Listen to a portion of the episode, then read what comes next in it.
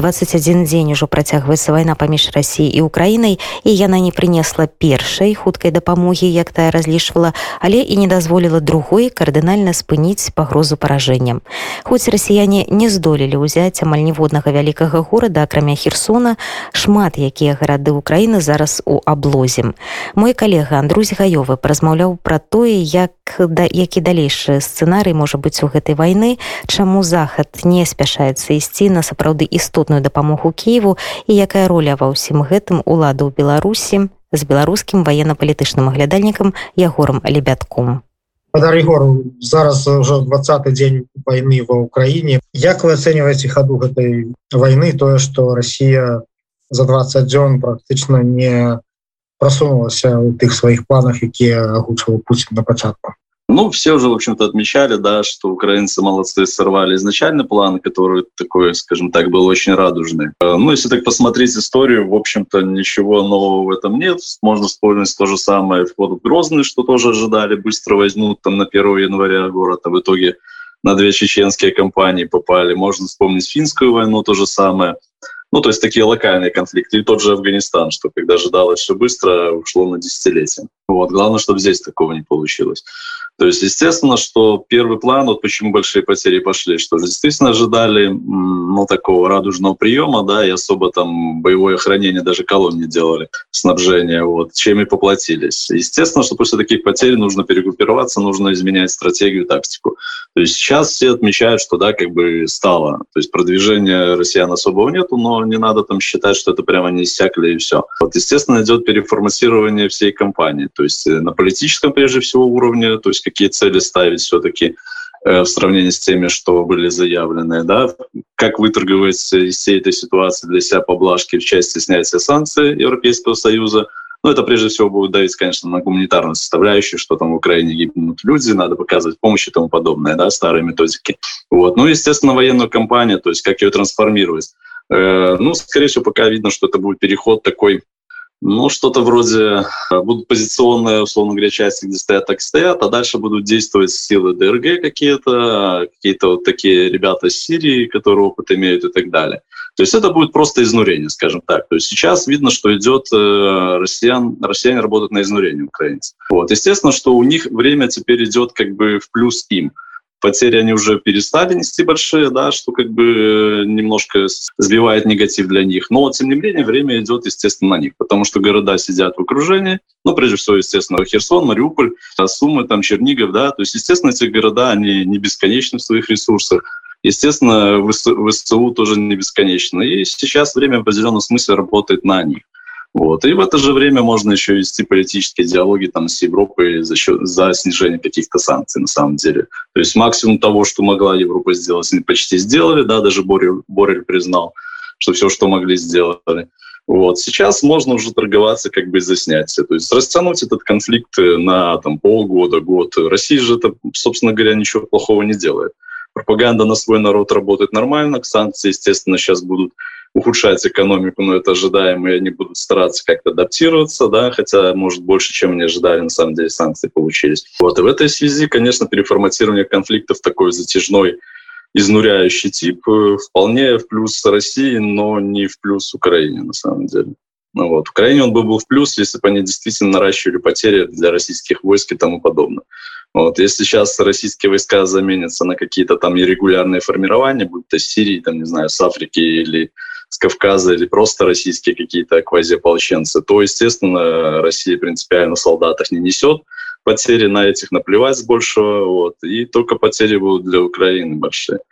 Ну, вот. ну, повторюсь, что сейчас пока конфликт идет в стадии такого изнурения. Изнурение людей, которые в городах, э, изнурение людей, которым просто война, как бы уже надоело воздействие на Европейский Союз, так скажем, на э, лидеров политических и населения. То есть, ну, в этом смысле как раз вот перешло такое переформатирование горячей стадии конфликта в такую пока квази-горячую. Но, повторюсь, все равно пункты есть, куда им нужно дойти военные. Это, скорее всего, будет Южноукраинск еще одно АЭС взять. Это, естественно, блокада Одессы так или иначе будет. Это Донецкую группировку будут пытаться так или иначе окружать, либо будут э, снабжение прерывать иными путями, будут авианалеты диверсионной группы и так далее. Ну и Киев, естественно, блокаду так или иначе поддерживать. То есть военная составляющая еще, естественно, не закончена.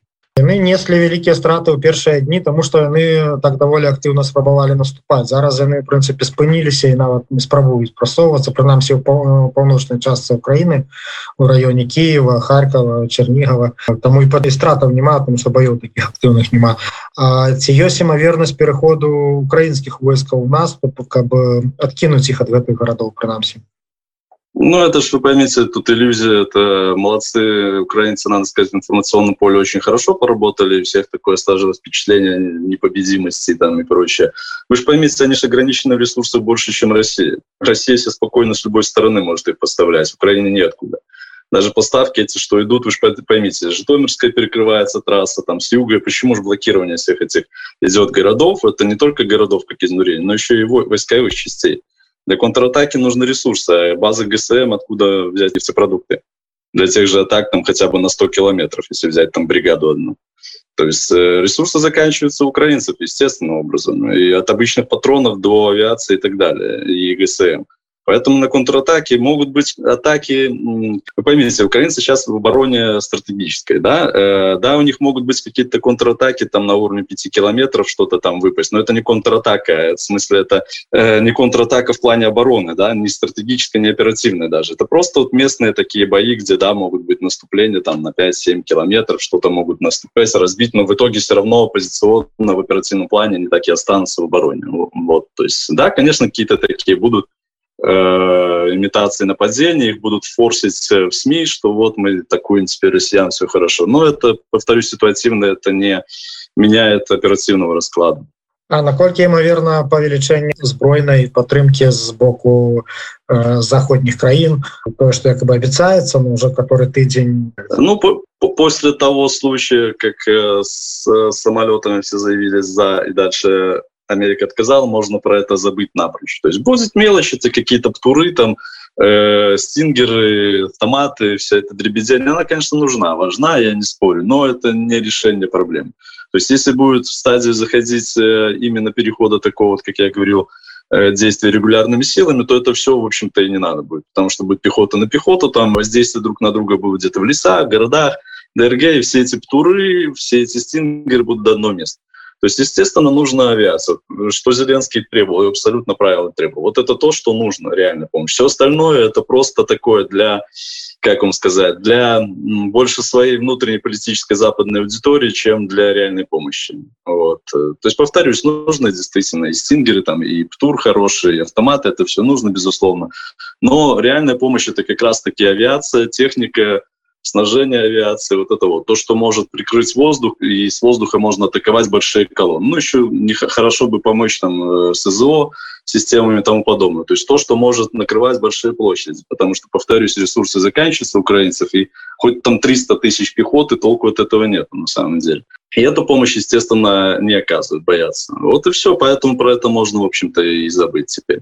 Э, ну и, видно, что, в общем-то, и Западу, скажем так, он изначально не рассчитывал на помощь серьезного плана военную, а больше был расчет, что Россия так или иначе оккупирует Украину, а Запад будет помогать в партизанской деятельности. Вот как там resistance есть такая концепция э, и для стран Балтики, и для Украины, Балтии, точнее, для Украины. И вот, э, то есть, условно говоря, противник захватывает, а НАТО уже оказывает поддержку партизанской войне для изнурения противника с возможностью потом контратаковать, но это в случае Балтики, а в Украине нет. То есть просто это фактически затягивание России в постоянную такую партизанскую войну. Вот. Поэтому никакой помощи не оказывается и не, предполагалось и не предполагается. А сейчас я вообще не вижу, что может стимулировать э, Запад, скажем так, на помощь Украине, серьезную помощь, а не вот эти вот финтифлюшки. Ці сапраўды Украіна з'яўлялася канцавой мэтай Росіі у гэтым канфлікце ці не разлічвае Путін на нейкую глобальную войну каб перадзяліць сферу ўплыву в Европе каб і працягваць гэта далей толькі по Украине Так, конечно, нет. Украина это только маячок. Он же сразу заявил, что нужно. Э, НАТО 97 -го года. То есть, а это что означает? Это нет НАТО ни в Польше, ни в Прибалтике, да, то есть, э, и, ну, фактически восстановить сферу, как вот было в идеале для него в период Варшавского договора. Ну, может, только без Германии поделено. То есть, чтобы было Украина, Беларусь, Прибалтика, это прямая сфера влияния России, то есть, будь то в каком-то они союзе, квази-независимые, это уже второй вопрос, или в составе России, но в прямом влиянии, да, и здесь должны быть российские войска. Должен быть буфер, это Польша, это там Венгрия какая-нибудь, Словакия, вот эта вот часть. Ну, а уже там это в Германии вы там живите, как хотите, Виталий. Вот то, что ему нужно, и то, что он делает. Естественно, что Украина — это не конец. Он об этом говорил давно, он об этом говорил сейчас, и к этому будут идти. Вот. И какое-то такое квазипоражение в Украине, даже если он действительно вот просто уйдет оттуда, не надо воспринимать как поражение. Помним, что Советский Союз понес там 100 тысяч потерь в Финляндии и как бы квази проиграл, но тем не менее в войне Второй мировой победил. И у них, естественно, расчет такой. Все, у них пошла, как сказать, э, игра в банк почти. Ну, что ему терять, в общем-то, Путина? Народу российскому, да. Насколько он там сообразят, что к чему это все идет, ну, это большой вопрос на самом деле. Ну а чаму ж тады захад не бачыць гэта? Ці, ці робіць выгляд што не бачыць ці не боится путинских погроз гэтых? Ну, тут сложно сказать, но трусливость, смена политиков, отсутствие концепции противодействия, то есть идеологии своей, вот и все, вот эти системные факторы политические, они, естественно, что таких любой авторитарный режим будет всегда побеждать. Вот, я имею в виду, где есть смены власти, где нет единой концепции своего развития э, западного, ну, как было холодную войну, например, да. Это же было демократия, коммунизм, антагонизм, на этом держали идеологию, на этом держались все политики приходящие, так или иначе, и все. И поэтому действительно было противодействие, был системный взгляд на дальше, чем на твой срок, условно говоря, выборный были концепции противодействия на 5-10 лет и далее. Вот. Поэтому были возможны победы. Сейчас все. Сейчас это ребята, которые просто привыкли, ну, грубо говоря, попа в тепле жить, э, получать свои какие-то блага, конфликты эти где-то далеко, ощущения, мне мои избиратели важнее, и насколько у них коммуналка подорожает или бензин. Все, а естественно, таким пользоваться, ну, просто это, сам Бог велел, как говорится. Э, вот. И россияне этими пользуются, и все. То есть они этого не видели в 2008, хотя уже было понятно. Они не видели этого в 2014, тоже было предельно понятно, и зачем этот Донбасс создавался и прочее. Ну, в смысле как? Видели, естественно, не реагировали. Вот, потому что это себе издержки, ай, пусть это следующее будет делать, и так далее, и так далее, и так далее. Вот чего добились. Естественно, что это не конец, это далеко не конец. И это не конец не то, что там для Украины какой-нибудь, может быть, Прибалтики, а для Европы. А наколькі ёсць імавернасць што вцягнуцца непасрэдна баявыя дзеянні і беларускія войскі ну, пока на самом деле смысла их там нету вот особенно если зайдет это в такой затяжной не военный конфликт чисто там вооруженные силы вооруженные силы а условно говоря такие регулярными силами то особого смысла естественно нету вот смысл может быть только в одном. Это просто политическое замазывание кровью Лукашенко для Путина, я имею в виду, да? И его, естественно, там не пошатнуть позиции на Западе и прочее и так далее. Потому что Запад, опять же, не покупается на этот 15-й год, да, что ай-яй, может все-таки с Лукашенко иметь дело, тогда хотя бы какой-то ну, минимум агрессии будет со стороны Беларуси идти и так далее. Ну, то есть это, это к вопросу, почему они не видели или почему не реагируют. Да, недальновидность, а чем она обусловлена, различные факторы есть. Вот, э, то есть э, если только додает Путин, что именно повязать кровью, так скажем, надо. Потому что, ну, с военной точки зрения белорусских там, ну, 2000 закинут каких-то контрактников. Я не вижу тут на самом деле больше возможностей контрактников забросить из ССО, чем 2000, более 2000 по механизированному там много срочников и тоже найти контрактные какие-то, ну, ну, три тысячи они там закинут каких-то там формирований, но это мало что решает на самом деле, да, на стратег... ну, для России, скажем так, военных задачах. Вот. Ну, то есть здесь только политический смысл может быть. Ну, естественно, если все-таки додавит Россия Украину, вот уже на концовку, да, то тогда, конечно, Лукашенко там может ввести какие-то войска, типа как там квази-миротворческая, гуманитарная миссия, чтобы сказать, и вот мы помогаем братскому народу, и в то же время мы разбили как э, и 80 лет назад вместе с российскими братьями фашизм, там, ну и в таком духе, то есть чтобы поддерживать вот эту внутриидеологическую концепцию там, единения с Россией, и у них же ничего нету, кроме Второй мировой войны в идеологической концепции. Вот, то есть эту мифологему поддерживать.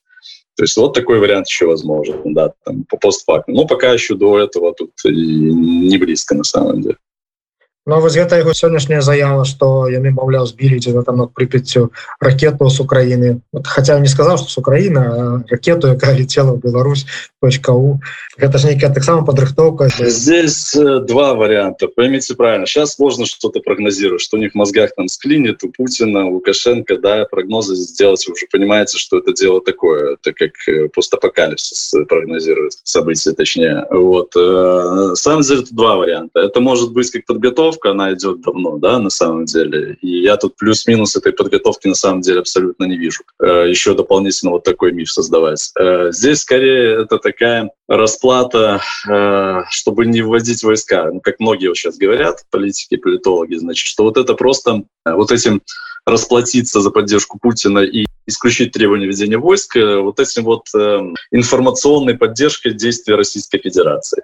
Ну и своей то же самое. То есть здесь он оправдывается, что мы не агрессор, а мы оборонялись. Это первый пункт, да, что, ну вы же помните, сначала там то по России, по российским войскам должны были атаковать, в итоге нанесли удары и уничтожили украинские, то теперь, видите, уже все-таки ракета полетела. Ну, то есть на это смысл обращать нет внимания, но концепция такая, что, мол, на нас напали, мы оборонялись, да, вот, с, с помощью российских войск. То есть это чтобы снять себя как агрессора.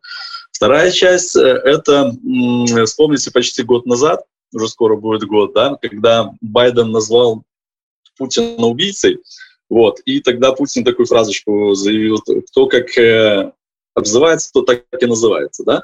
И буквально там в пределах, по-моему, пару недель или сколько Лукашенко тут показал всем, что на него было покушение, и сделано это было по указке американцев и прочее. То есть фактически он отработал вот такое вот Э, информационно поддержал заявление Путина. Сейчас то же самое фактически получается, что он поддерживает э, Путина в информационном плане, э, мол, Путин же говорит, что там готовилась агрессия, там, ладно же, это биологическое оружие там, и прочее чушь, черт с ним, но что как бы мы предупредили, сейчас концепция новая, что предупредили нападение на нас. Вот и Лукашенко в этом плане его информационно поддерживает. Вот таких два ключевых фактора вот этих заявлений. Э, касательно подпитки э, агрессивности, так скажем, и решения ввести войска, ну, да, это тоже на это работает, естественно, но особого смысла нет. Сказал что точка прилетела, не сказал что прилетела, ведет войска, и никто на это смотреть не будет, на самом деле.